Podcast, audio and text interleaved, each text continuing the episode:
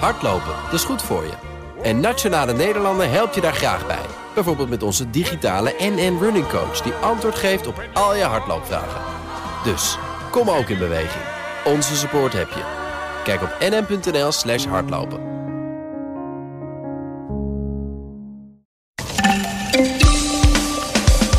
De defensieindustrie vangt steeds vaker bot bij de banken, want die vrezen reputatieschade. Nederland blijft populair voor brievenbusfirma's en we zijn nog lang niet bij code zwart, zegt minister De Jonge. We zitten er vlakbij, klinkt het vanuit de zorg. We brengen zo de vele grijstinten in kaart die er ook nog blijken te zijn bij code zwart. Dit is Nieuwsroom, de dagelijkse podcast van het Financiële Dagblad en BNR Nieuwsradio. Met het nieuws verteld door de journalisten zelf. Ik ben Mark Beekhuis en het is vandaag dinsdag 23 november. Wat ik zelf het aardige vind, is dat Brussel eigenlijk op twee. in een soort spagaat zit. En aan de ene kant uh, willen ze groen zijn en duurzaam. Aha. Maar aan de andere kant willen ze ook strategisch autonoom zijn. Nou ja, dat botst bij de defensiesector. Ja, dus dan wordt het leger groen ineens. Ja. Een groen leger, ja. Ja, ja. ja. Zoiets. Oké, laten wij van start gaan met Hallo Marcel de Boer van het Financieel Dagblad. Hallo. De defensieindustrie heeft het lastig. Uh, want geld lenen bij banken is moeilijk. Ja. Het is, uh, je zou toch denken, als er ergens veel winst gemaakt werd uh, altijd. Als er ergens een sector is waar je als bank gewoon kan vertrouwen dat het wel goed komt. Is het die sector? ja, maar ze, ze, ze durven niet meer. De banken. De banken durven niet? Nee. Ze zijn steeds terughoudender aan het worden. En waarom is dat? Vooral angst voor reputatieschade. Dat ze zeggen, oh, dit is een, uh, die bank die doet iets met, uh, met die lelijke bedrijven. Daar willen wij niks mee te maken hebben. Ja, je hebt natuurlijk heel snel uh, wordt een link gelegd met, met clusterbommen en, en andere nare tuig. -hmm. ja, en daar willen banken toch vooral ver weg van blijven. Net als trouwens pensioenfondsen en, en verzekeraars en alle grote beleggers. Kunnen ze nog wel bankrekeningen aanhouden? Of uh, hoe, hoe, uh, hoe scherp gaat het? Wordt, wordt, steeds, wordt steeds moeilijker. Oh, serieus? Echt? Ja. Dat de huisbankier op een goed moment zegt: uh, We hebben goed zaken gedaan, maar we gaan nu iets anders doen. Ja, nee, we, de, de, we kregen dus allerlei signalen vanuit de, deze sector. Van bedrijven die daar problemen mee hadden. vervolgens hebben we de, de lobbyclub gesproken. die had persoonlijk problemen met het, het, het, het krijgen van de bankrekening. Uh, en er zijn uh, uh, leidinggevenden van defensiebedrijven die moeite hebben om bijvoorbeeld iets als een hypotheek te krijgen. De, persoonlijk, niet voor het bedrijf, maar voor zichzelf. Persoonlijk, dus het gaat, het gaat, het gaat vrij ver. Ja, u bent een directeur van nou ja, een of andere munitiefabriek. Ja, dan gaan we u geen huis geven natuurlijk. Nee, dat is. nee. Dat, is dat gaat inderdaad ver. Waar verandert dat door? De kennen dit overigens hoor. Die, die zeggen, nou, dat is, zover gaan we helemaal niet. Maar uh, nou ja. Oké, okay, het was in ieder geval de indruk van deze, uh, deze man. Ja. Waar komt dat door dat dat verandert? Is dat sociale druk of regelgeving? Of waar nou ja, het? Het, het, het, begint natuurlijk met sociale druk. Aha. en wat ik zei over die reputatieschade. Maar er komt wel wat bij. en dat komt namelijk uit Brussel. daar wordt hard gewerkt aan een, aan een zogeheten eco-label. Mm -hmm. uh, die krijgen bedrijven uh, als ze aan bepaalde groene voorwaarden voldoen. Uh, en in het geval van defensieactiviteiten zou die beperkt moeten blijven tot maximaal 5% van de omzet. Nou ja, als jij een defensiebedrijf bent, dan zit je ja, dan is het meer dan 5%. Ja, dat kan die 5%. Dus dan krijg je dat, dat label niet. en dat betekent dat, dat investeerders terughoudender worden om geld te steken in dat soort bedrijven. En er komt nog bij, uh, er wordt ook nu, nu, gewerkt aan een richtlijn voor niet-financiële ra rapportage.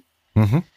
uh, en volgens die uh, richtlijn zouden defensieactiviteiten als aanzienlijk schadelijk worden uh, gezien. Ja, nou ja. Wat ook weer een reden is voor, voor investeerders om, om, om weg te blijven van deze sector. En daar kan je je natuurlijk ook van alles bij voorstellen. Dat dat oorlog voeren aanzienlijk schadelijk is. Uh, ja, dat is inderdaad toch het geval. Ja, je hebt natuurlijk ook de blauwe helmen, de VN-operaties, die ja. andere intentie hebben, maar toch. Maar, maar er zit natuurlijk wel een rare spagaat in, in dit verhaal. Ja. want Europa wil aan de ene kant dus snel vergroenen, verduurzamen. Heel mooi. maar aan de andere kant willen ze ook strategisch autonoom zijn. in de geopolitieke wereld van nu, uh, waarin de Amerikanen hun, hun uh, veiligheidsparaplu wegtrekken, moet Europa zelfstandig kunnen opereren. Dus dan heb je eigenlijk een eigen defensieindustrie nodig. Heb je een industrie nodig. En een, ja, zo'n industrie heeft toch tenminste een bankrekening nodig. En waarschijnlijk ook wel wat investeringen, dus leningen. Ja. Hoe lossen ze het op? Nou, ze moeten vaak flink shoppen. Aha. en, en, en vooralsnog lukt het nog wel, maar ja, steeds moeizamer. Ja, er was, ik weet niet of dat nog steeds bestaat, maar een paar jaar geleden waren er vice funds. Uh, bedrijven die juist in allerlei slechte zaken investeren, omdat het zo'n lekker hoog rendement oplevert vaak. Ja. Uh, is dat uh, waar ze heen moeten? Ja, daar kan je misschien geen bankrekening openen, maar wel geld lenen. nou ja, uiteindelijk zal je, je die kant op moeten gaan, ben ik bang. Als, als de banken gewoon niet, niet langer thuis geven. ja, dan is het of, of dat soort plekken geld gaan, gaan lenen. Ja, of of, of uh, iets anders gaan doen. Wordt vervolgd? Of is dit iets wat gewoon een trend is die langzaam afglijdt in een bepaalde richting? Of, of gaan mensen in beweging komen nu? Nou, dat wordt vervolgd, denk ik. Ehm, de, de, de, de, sector heeft geklaagd natuurlijk hè, bij, bij een Europese defensiekoepel, die vervolgens weer aan de bel trekt bij de Europese Commissie. Uh, en bij uh, diverse ministers van Financiën. Waaronder ook Wopke Hoekstra in, in Nederland. Uh mhm. en die heeft sinds de zomer al een aantal gesprekken gevoerd met de NVB, de Nederlandse Vereniging van Banken. om, om te praten over de toegang van, van deze sector, maar ook andere sectoren, tot, tot betalingsverkeer. Ja, er zijn meer sectoren die er last van hebben natuurlijk. Hè? Ja, dat, andere sectoren heb je het meer over het poortwachterswerk. Uh, waar natuurlijk veel om te doen is. En dan gaat het over uh, ja, Witwassen, mensenhandel, dat soort zaken. Ja, nou ja, of, of, of softdrugs, coffeeshops, nou ja, dat soort, dat soort bedrijven. Ja, sekswerkers volgens mij ook. Sekswerkers, nou ja, dat zijn dan de, ja, en, en daar, moet, daar moet toch een oplossing voor gevonden worden. Ja, met die constatering kunnen we denk ik wel uh, afsluiten. Ja, er moet sowieso een oplossing voor verzonnen worden. Ik ben zeer benieuwd waar dan de oplossing ligt, maar dat zullen we zien. Marcel de Boer, dankjewel. Graag gedaan. Ja, en de, de infrastructuur zie je natuurlijk ook gewoon goed. Zoals je een, uh... Ja, daarom de hele adviespraktijk en zo, die is er natuurlijk wel. En, en, en ook de rechtsbescherming is toch nog wel redelijk goed. En uh, nou ja, we hebben ook geen belastingdienst die met geweer op de stoep staat. Wat in Italië wel eens schijnt te gebeuren. Dus. Nou, misschien moeten we dat dan eens overwegen. nee? Ja. Geen idee. Oké, uh, dan gaan we gewoon beginnen met. Hallo, Laurens Berendsen van het Financieel Dagblad. We blijven bij het thema reputatieschade. Uh, dit is een heel ander soort reputatieschade. Hè? Dit is uh, Nederlands belastingparadijs. Of nou ja, het is tegenwoordig een beetje omgeframed naar doorvoerland maar toch, we hebben een functie in, het, uh, in, in de wereld van de belastingparadijzen. En daar willen we vanaf. Maar het lukt niet, hè? Nee, dat wil nog niet erg lukken. Het is inderdaad een uh, duidelijke omslag geweest, uh, zeg maar in de afgelopen tien jaar ongeveer. je zou kunnen zeggen tot 2010, 2015 was er Nederland veel aan gelegen om, om die doorstroomfunctie, dus in, in, in belastingconstructies, om, om die te behouden. Eh, we hebben een grote belastingadviespraktijk die daarop inspeelde. En de overheid legde dat soort doorstroomconstructies. Dus dat winst, rente, royalties vanuit Europese landen, maar ook andere landen via Nederland naar belastingparadijzen werden gesluist. Nou, dat, dat, werd eigenlijk geen strobreed in de weg gelegd. En werd ook gezegd van is ook wel belangrijk voor onze economie. Nou ja, inmiddels is dat helemaal gekanteld. En nu is het idee inderdaad van nou, dat levert Nederland vooral heel veel reputatieschade op. Wij staan uh, internationaal toch bekend als een uh, belastingparadijs. Um, Ook al zijn we dan misschien een doorstroomland. Ja, maar je maakt onderdeel uit van de infrastructuur die belastingparadijzen nodig hebben. Ja, je maakt onderdeel uit van die constructies. Dus, uh, maar goed, nu wil de overheid daar dus ook graag vanaf. En er zijn ook een aantal maatregelen genomen in de fiscale sfeer. die Nederland minder aantrekkelijk moeten maken voor, voor doorstroomvennootschappen, brievenbusfirma's. Ehm, maar er is een commissie geweest die daar een half jaar grondig onderzoek naar heeft gedaan. En die komt tot de conclusie van uh, ja, dat het tot nu toe in ieder geval nog niets heeft opgeleverd. En dat we nog evenveel brievenbusmaatschappijen hebben. En ook nog even grote geldstromen die door Nederland lopen. Betekent dat dat we nog niet voldoende maatregelen nemen? Dat we misschien uh, in de lobby de scherpe kantjes eraf hebben laten praten, zodat het uiteindelijk toch nog de moeite is via Nederland dat geld te laten lopen? Ja, nou ja, kijk, die commissie die is daar niet echt helemaal over uit hoe het zit. Uh, er, is, er zit een beetje een na-effect, zegt de commissie. De, kijk, de cijfers zijn vaak een paar jaar oud. Over uh, hoe groot zijn bijvoorbeeld de buitenlandse in, binnenkomende investeringen in Nederland en de uitgaande investeringen. Nederland was daar bij de laatste tellingen nog steeds nummer twee na de Verenigde Staten. Dat heeft dus te maken met het prettige fiscale klimaat. Uh, maar dat, dat, dat natuurlijk wat na. Uh, bedrijven moeten zich aanpassen als ze dat willen. Maar van de andere kant zegt die commissie ook: ja, we zien toch ook nog niet echt tekenen. En ook niet uit de gesprekken die we gevoerd hebben, kunnen we niet afleiden uh, dat het nou omlaag zal gaan, het gebruik van Nederland als, als, als tussenschakel in. Maar lijken onze regels wel meer op die in Duitsland, Frankrijk? Ja, ja, ja. Nee, dat, dat, dat hebben ze ook laten onderzoeken, ook in een extern onderzoek eigenlijk onze belastingmaatregelen zijn toch steeds meer gaan lijken op wat er in, uh, in, in de landen die jij noemt uh, ook gebeurt. Uh, maar goed, de, ik heb daar gisteren ook de commissievoorzitter Bernard Ter Haar, een uh, topambtenaar, naar gevraagd van hoe zit dat dan? En nou ja, en die had als, als in ieder geval als aanname van ja, eenmaal gevestigde paden lopen dan eenmaal wat makkelijker dan wanneer je een nieuw pad moet zoeken. Dus kijk, bedrijven zijn gewoon gewend om bepaalde fiscale zaken via Nederland te regelen. En, en ook al wordt het dan wat minder aantrekkelijk in Nederland en, en, wat lastiger en komen daar wat hogere kosten aan te zitten, dan zullen ze misschien toch geneigd zijn om te zeggen: Nou, we blijven dat toch maar via Nederland doen. Uh, want ja, om de hele boel op te pakken en te verplaatsen naar, uh, naar Frankrijk, Spanje, ik noem maar een zijstraat of Zweden. Ja, dat, ja, dat, nee, dan moeten de voorwaarden daar weer zoveel beter zijn dat het er uh, dat het er tegenop ja, weegt. En je hebt hier nou eenmaal dat mannetje wat je elke keer belt, ergens aan de Zuidas.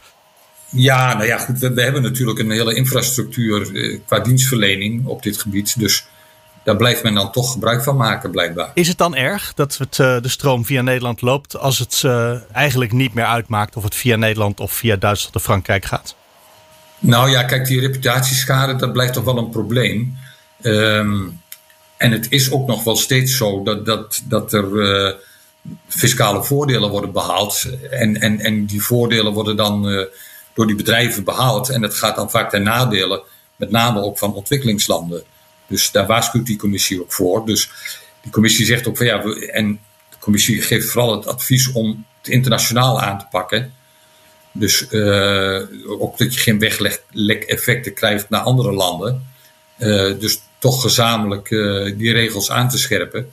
En ervoor te zorgen dat het ontwijken steeds lastiger wordt. De commissie zegt wel, we kunnen er nog een stapje bovenop doen. Hè? Er zijn nog wat maatregelen die we zouden kunnen nemen. Ja, ja, ja. Wat, wat zouden we kunnen doen? Zijn er, zijn er uh, wetten die we aan kunnen nemen of uitzonderingen die we kunnen schrappen? Ja, er is nog één vrij technisch punt uh, over waar we uh, toch de, de, dat soort brievenbusmaatschappijen een voordeel geven om gebruik te maken van Nederlandse verdragen, Nederlandse belastingverdragen. En dat gebruik zou je verder kunnen beperken. Dat maakt Nederland dan weer minder aantrekkelijk. En verder hamert de commissie ook op transparantie. Uh, wissel nog meer gegevens uit, ook met die landen die benadeeld worden door belastingontwijking. Zodat die landen dan ook zelf actie kunnen ondernemen als ze zien dat ze, dat ze benadeeld zijn. Ja, dat is eigenlijk een heel simpel, uh, simpel advies.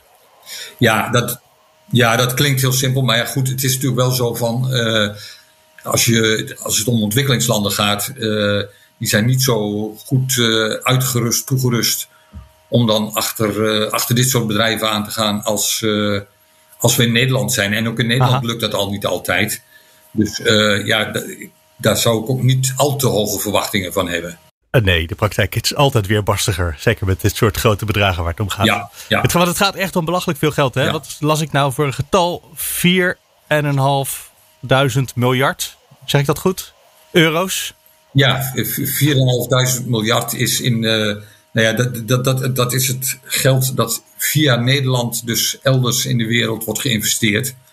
Je leest ook heel vaak, eh, Nederland is de tweede investeerder in Rusland, in Argentinië, in, in, in, in Nieuw-Zeeland, you name it. En we staan wel in de top, zeker in de top 5 van grootste investeerders. Maar dat komt niet omdat we allemaal zelf zoveel geld gespaard hebben dat we overal zoveel kunnen investeren. Maar dat komt omdat het geld eerst uit het buitenland uh, bij ons naar binnen komt. En dan vanuit Nederland weer wordt geherinvesteerd. Ja. Maar dat getal, ik kan me er eigenlijk niks bij voorstellen. Kunnen we dat een beetje nog. Kunnen we het ergens mee vergelijken? Nou ja, het is ongeveer uh, vijf keer de omvang van onze economie. Ja. Dus vijf keer het bedrag dat we jaarlijks met z'n allen verdienen. En dat bedrag komt dus door Nederland om uh, ja, te investeren in het buitenland. Maar ook vaak met het doel om daar zo min mogelijk ja. belasting over te betalen. Ja, dat is dan, ja. Laurens Berendsen, dankjewel. Graag gedaan. Hallo, Maarten van Poel van het Financieel Dagblad. Hallo, Mark Beekhuis. We gaan het weer eens hebben over corona.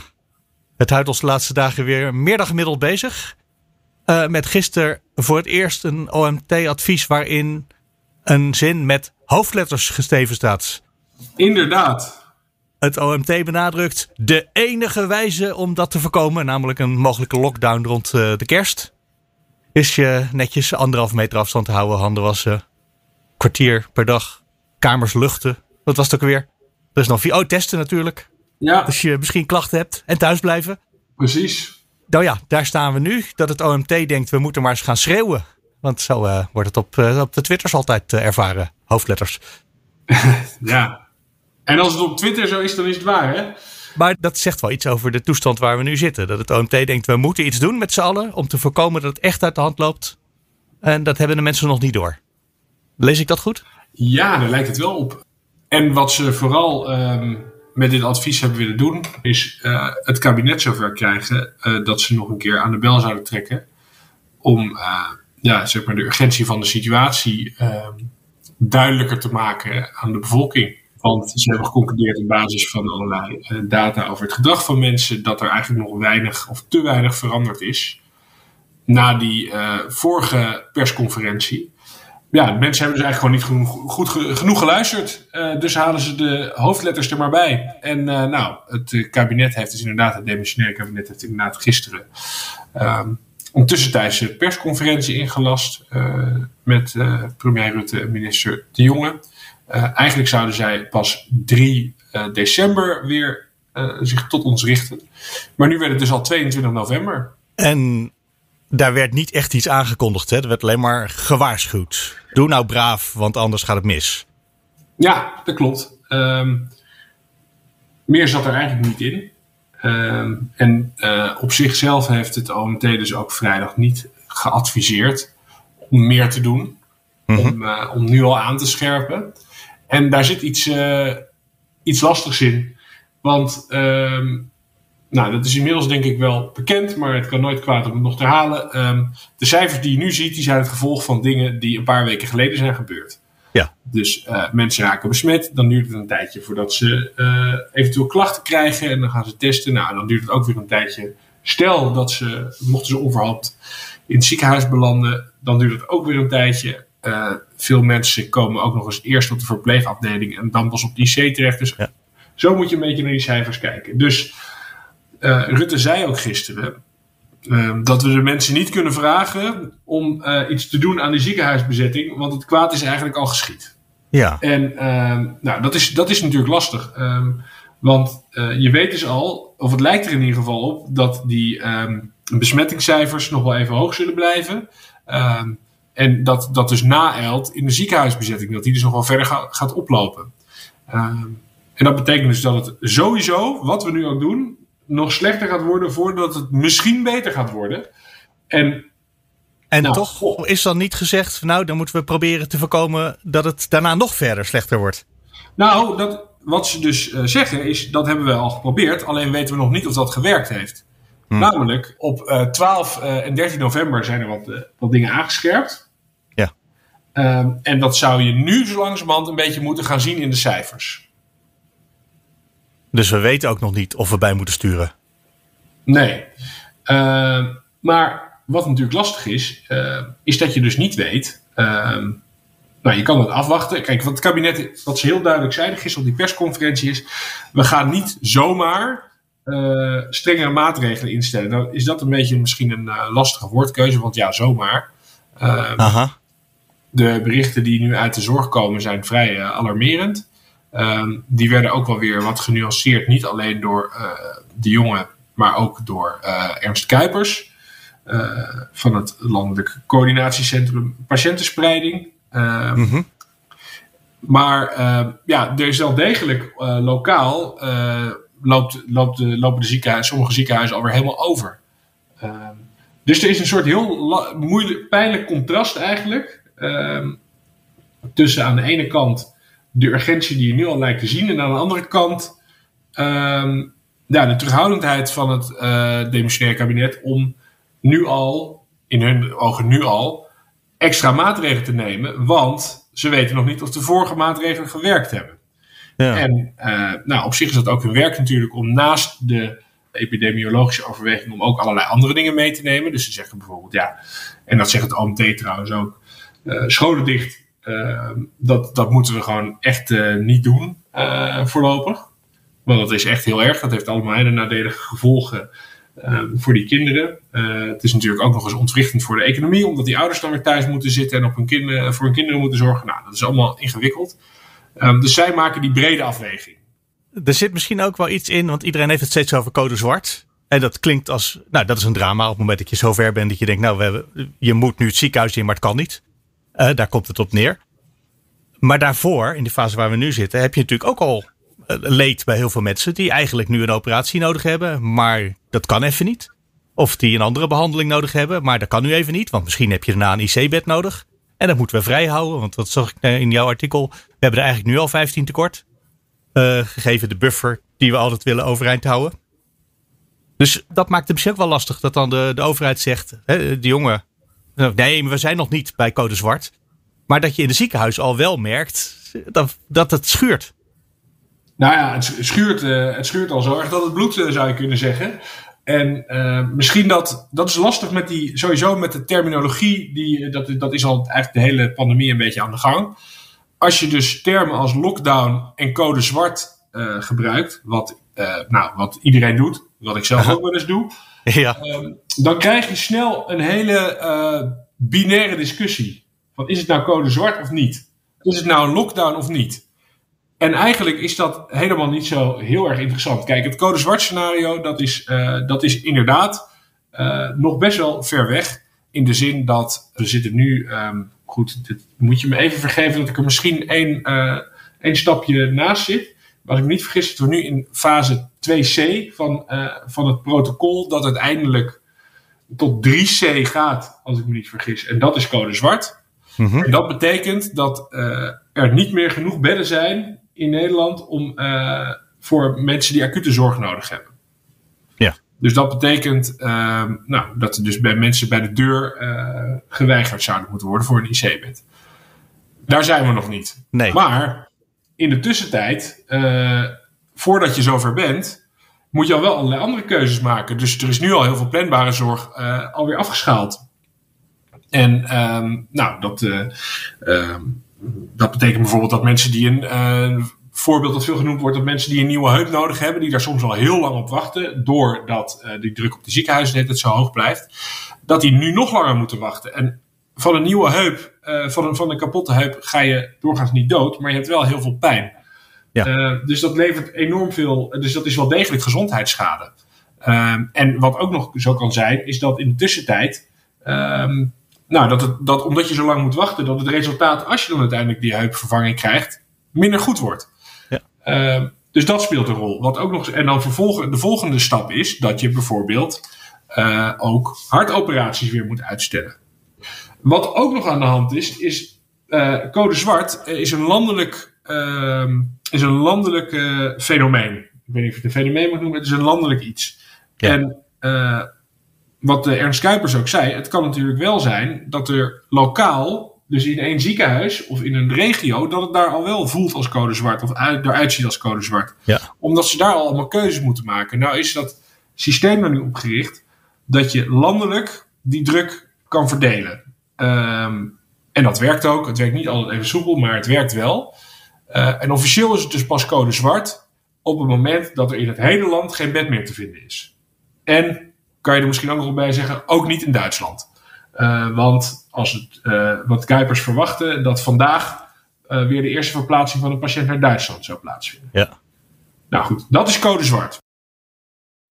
Daar zijn we inderdaad nog niet. Maar dat wil natuurlijk niet zeggen dat het niet lokaal al heel erg kan voelen uh, als code zwart. Je zei het al, het voelt soms een beetje binair aan. Maar precies dat je zegt, we zitten nu in fase 2c en we gaan door naar fase 3c misschien wel. Dat geeft wel aan dat er allerlei gradaties nog zijn, stapjes daartussen, tussen hier en dat laatste punt. Ja, precies. En dat is natuurlijk lastig om, uh, omdat dat, dat vertroebelt de discussie denk ik een beetje. Dat dan gaat, is het nou code zwart of niet? Hij zegt van wel, die zegt van niet. Zitten al die zorgbestuurders daarnaast? Nee, allemaal niet. Uh, maar het is heel lastig om de die nuance te blijven zien. En uh, wat daar dan ook nog doorheen loopt, is: het is nu geen code zwart. Uh, we hebben niet zo goed zicht op uh, hoe het nou precies zit met de besmettingen. Ehm, en wat we dus ook niet weten, is of die groei van het aantal besmettingen en de ziekenhuisbezetting, of die nou afvlakt of dat die doorzet. Want uh, nou, dat, dat, mantra kennen we inmiddels ook wel. Uh, bij exponentiële groei, als er een sprake is van exponentiële groei, dan kan het heel snel uh, afgelopen zijn. Of afgelopen zijn, dan kan het dus heel snel, heel snel heel veel erger worden. Ja. dan kan het zijn dat je nu nog denkt, nou, we hebben nog een paar honderd bedden over en die zijn dan opeens in een paar dagen weg. Dus, ja, en dat maakt het zo, zo penibel, zo spannend. Dat maakt het, ja. En spannend, dat is inmiddels een beetje een controversiële term aan het worden. Uh, ja, dat klopt. Dat klopt wel. Want spannend impliceert ook een beetje dat je er niks aan kan doen. Um, nou, dan zeg ik hem anders. Het gaat erom spannen. Het gaat erom spannen, ja. Dat is een betere. Dat, uh, dat denk ik zeker. Dan zit ik even te kijken naar de Tweede Kameragenda voor vandaag. Die gaan straks om uh, kwart voor één een extra procedurevergadering doen. Daar gaan ze bespreken wat ze binnenkort gaan bespreken. En wat er daar vooral op de agenda staat, is de corona-toegangsbewijzen. Dus de QR-codes die je op allerlei plekken waarschijnlijk moet laten zien. Het klinkt alsof ze bezig zijn met de fase hierna, waar we helemaal nog niet zitten. Ja, nou, uh, dat, en dat is ook weer iets. Kijk, op zich kan je natuurlijk zeggen, uh, dat hebben ze dus uh, eind, wat is het, anderhalf week geleden, hebben ze dit aangekondigd, dat ze met deze voorstellen naar de Kamer gingen. Ehm, en die zijn bedoeld voor de fase na, zeg maar, die kritieke fase waar we nu in zitten. Want al die G's, die hebben eigenlijk alleen zin uh, als de besmettingen niet al te hoog zijn. Die zijn meer bedoeld om de verspreiding te controleren, maar voor een dempend effect gaat er niet echt van uit. Hm. Uh, dat zeiden ze toen ook. Ja. Wat ze toen ook zeiden was, nou, we gaan nu voor drie weken doen we, nemen, we deze, nemen we deze maatregelen. En dan zorgen we, proberen we te zorgen dat we dan daarna al die G's klaar hebben. Dus al die uh, uh, verschillende varianten. En dan kunnen we daar misschien wel mee aan de slag. Nou, um, ik uh, durf wel te zeggen dat het er niet helemaal naar uitziet dat we op 3 december al wel baat gaan hebben bij die geest. Maar op zich is er natuurlijk helemaal niet zo heel veel tegen om in ieder geval die discussie nu te voeren en om het te regelen voor het geval dat ze het een keer nodig hebben. Dat is ook weer waar. Aan de andere kant spelen er nu ook zoveel dingen die acuter aandoen dat het een beetje moeilijk is om. Ehm, nou ja, de vraag is dus een beetje: waar moet nu de aandacht naar uitgaan? Um, en ja, het, zou, ja. het kan ook naast elkaar bestaan, denk ik. Het is dus niet zo dat ze. Um, ik denk niet dat nog de illusie bestaat dat, uh, dat als we nu naar 1G zouden gaan, dat dan in één keer die besmettingen naar beneden gaan. Die moeten eerst naar beneden en dan heb je er pas wat aan. Maar puur omdat deze uh, politieke discussie nu speelt. ja, uh, je kan ook zeggen, stel dat je dit nu niet doet. Um, en die besmettingen zijn op een gegeven moment lager. En je moet dan nog beginnen met die politieke discussie over uh, al die, uh, al die G-varianten. Ja. ja, dan ben je ook weer te laat. Eigenlijk is het wel goed dat ze een keertje vooruit denken. Ah, een keertje, dat klinkt uh, cynischer ja. dat ik het bedoel. nou ja, uh, dit is natuurlijk wel een, een veelgehoord kritiekpunt. Dat er niet genoeg vooruit gedacht wordt. Je zou kunnen zeggen, dat doen ze hier een keer wel. Alleen is het dan weer... Ja, is misschien uh, het beeld dan weer wat ongelukkig. Um, maar ik weet niet of we ons daar heel veel van aan moeten trekken. Uh, er zijn alleen nog wel een heleboel andere vragen die ook beantwoord moeten worden. Laten we het daarop houden. We hebben in ieder geval één positief signaal vanmorgen gehad. Het aantal pintransacties is enorm afgenomen. Ik geloof 60%. Sinds we op 13 november uh, de opdracht kregen om weer wat voorzichtiger aan te doen. Dus een deel van de maatschappij heeft kennelijk gedacht: oh, dan gaan we minder naar de winkel, minder naar de horeca, musea. Ja, nee, laten we het hopen. Is het het aantal pintransacties of ook het volume? In geld? Uh, de waarde van de transacties. Ah, oké. Okay. Nee, het is dus niet zo dat iedereen met grote stapels cash nu rondloopt uh, in voorbereiding op. Uh... dat is het andere. Ja. ja. nee. nee, ja, dat, dat, dat is dus een, een gedragsindicator. Maar ehm, ja, wat het OMT dus in ieder geval vrijdag geschreven was, dat er nog niet genoeg signalen zijn die zij gebruiken dat, uh, dat mensen hun gedrag heel erg hebben veranderd. Dus er moet nog wel meer gebeuren. Nou, waarvan akte? Maarten van Pol, dankjewel. Graag gedaan. En dat was hem. De show notes vind je op bnr.nl slash nieuwsroom. En je kan altijd mailen naar nieuwsroom.bnr.nl of nieuwsroom.fd.nl. Tot morgen.